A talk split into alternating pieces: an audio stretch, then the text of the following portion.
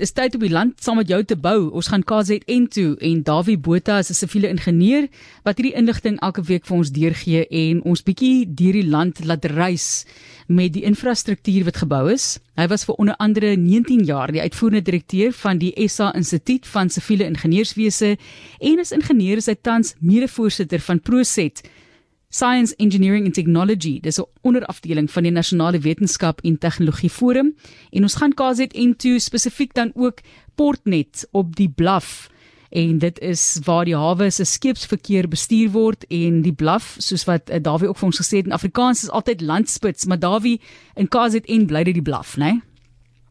Absoluut, Matelies. Kom ons kyk bietjie na die geboue van die mense van KwaZulu-Natal. Dit is waarop ons vandag fokus, maar jy gaan altyd 'n bietjie verder terug as sommer net onlangse geboue wat opgerig is. Ons voorouers wat skuilings gesoek het natuurlik. Ja, net so. Uh ek wil net gou vir jou sê die liedjie wat jy nou nou gespeel het City op rock and roll gebou het my nou omtrent laat dink. Ja. Want ek weet ons ingenieurs kan op sand en klei bou, maar ek het nooit geweet ons kan op rock and roll bou. Ons het dalk nodig om ons te motiveer. ja. En en dan uh, 'n uh, groot applous vir die dame wat oor die vakmanne gepraat het. Jy weet, my lewe het ek bitter baie geleer van vakmanne. As ingenieur uh, loop hulle vir jou voor in die in die fynste praktiese detail leer jy van hulle. Jy leer dit nie uit boeke nie. So groot applous vir daardie dame wat wat uh, vakman uh, loopbane dan ook uitgelig het. Nou die, die, die saak van ons voorouers het natuurlik oorspronklik ook maar in in grotte ge, gebly en hier en daar dalk so informele skeidingkie. Maar toe hulle begin om kom ons sê um, meer permanente strukture op te rig het, dit hulle as mense ook verander. En miskien het ons 'n bietjie sagter geraak omdat ons nou in 'n geboue woon wat uh, teen die wind en die weer beskerm is. Maar verseker het dit uh, 'n uh, gemakliker omgewing vir die mens geskep. En uh, so geboue is, is 'n baie belangrike element van ons lewe. Mens kan amper nie vir jou vandag indink daar sonder nie. Maar daar's 'n baie interessante storie ook uh, wat aan Winston Churchill toe gedig word. Hy was 'n man van baie spreuke gesegdes en ware woorde. Die Britse parlementsgeboue is daar tydens die Tweede Wêreldoorlog so beskadig dat dit nie meer herstelbaar was nie en daar word vertel dat hy tydens 'n debat ehm uh, daar is uh, vir die mense gesê het wat moet ons nou doen? Moet ons herbou of iets heeltemal nuut bou? Dit het gesê onthou ek een ding. First you shape your buildings and then they shape you. En die parlement het daarna terstond besluit dat hulle gaan herbou wat vernietig is want in 'n gebou is daar donker jare se geskiedenis. Ons dink maar aan die aan die Kaapse parlementsgebou wat nou afgebrand het. Wat 'n hartseer storie. Al die geskiedenis daar. Ek dink vir my hulle gaan daarom weer herbou soos hy was. So ek dink elkeen van ons kan dit ook self eh uh, daarvan getuig. Want as jy nou 'n stuk meubel in jou huis uh, verskuif, dan loop jy dalk vandag aan hom vas. So jy vorm jou omgewing en dan vorm daai omgewing jou gewoontes ook. En dit is 'n belangrike element om te onthou. Want as jy 'n huis uh, of 'n gebou bou, dan is dit 'n baie langtermyn belegging. En dan is daar 'n paar geboue wat soms met die intrapslag en mense aandag trek. Die hulle wel net dis nie vir my baie mooi woord nie, maar daar is 'n hele paar van hierdie wat werklik uh uitstaan.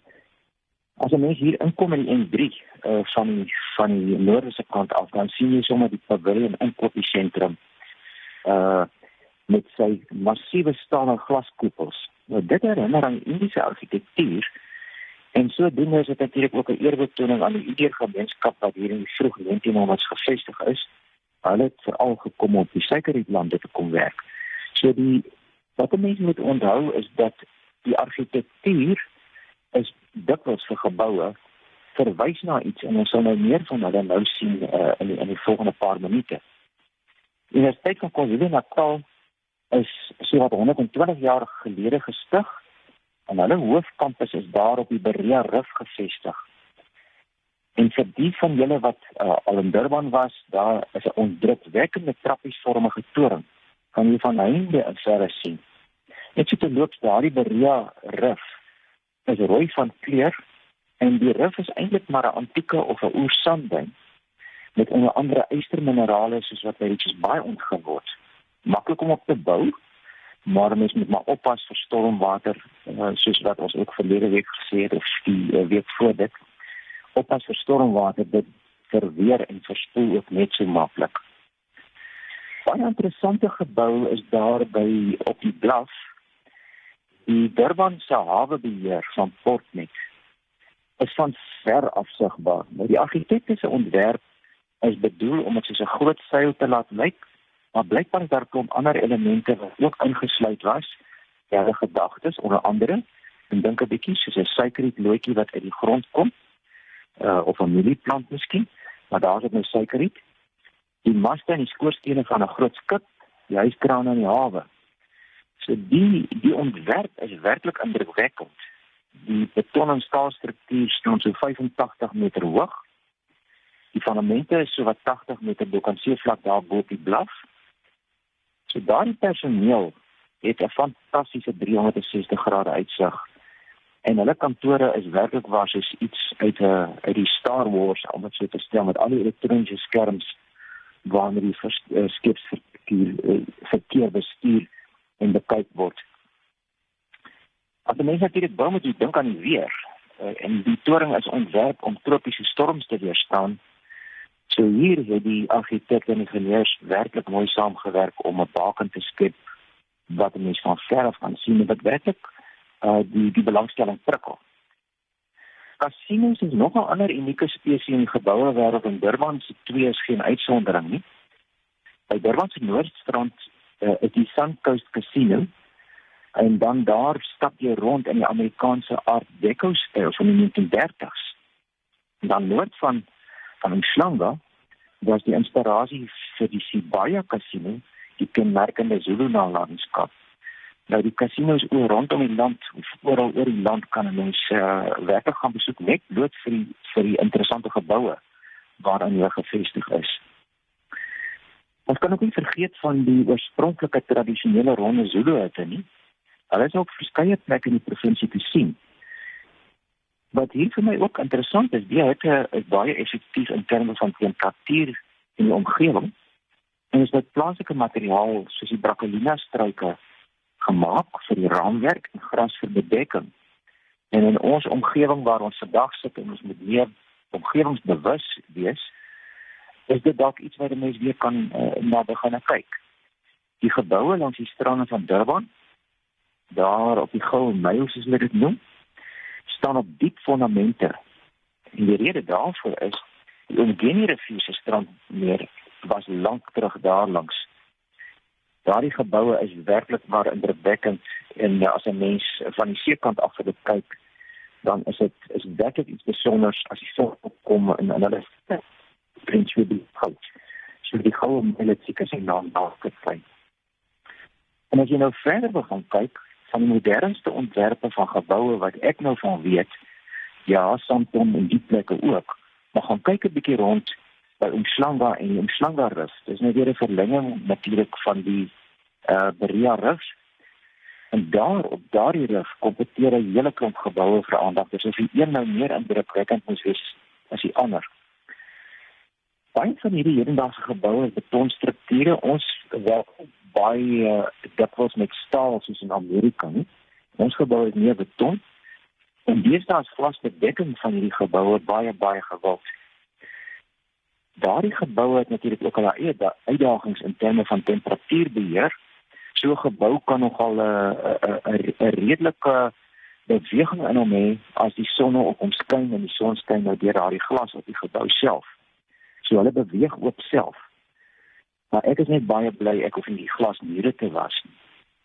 En tog, soms lyk die hoë glastorings van daardie blou kleurige puls glastorings van land as 'n fiekie-land. Nou as ingenieurs met ons dikwels die argitektoniese wonders maak werk en dis 'n baie groot uitdaging. Soos byvoorbeeld om boogstrukture met beton te vorm, dis nie baie maklik nie om nie eers te praat van al die waterpype, rioolpype, elektriese geleidings, kommunikasie en lugreddingskanale nie. En daar al daai goed met mekaar uitkom. Wat hier ook interessant is, is dat uh om Walt Disney se drome uh te kom bou soos in Disneyland. Het 'n rekenaarprogram ontwikkel met die naam van Imagineering.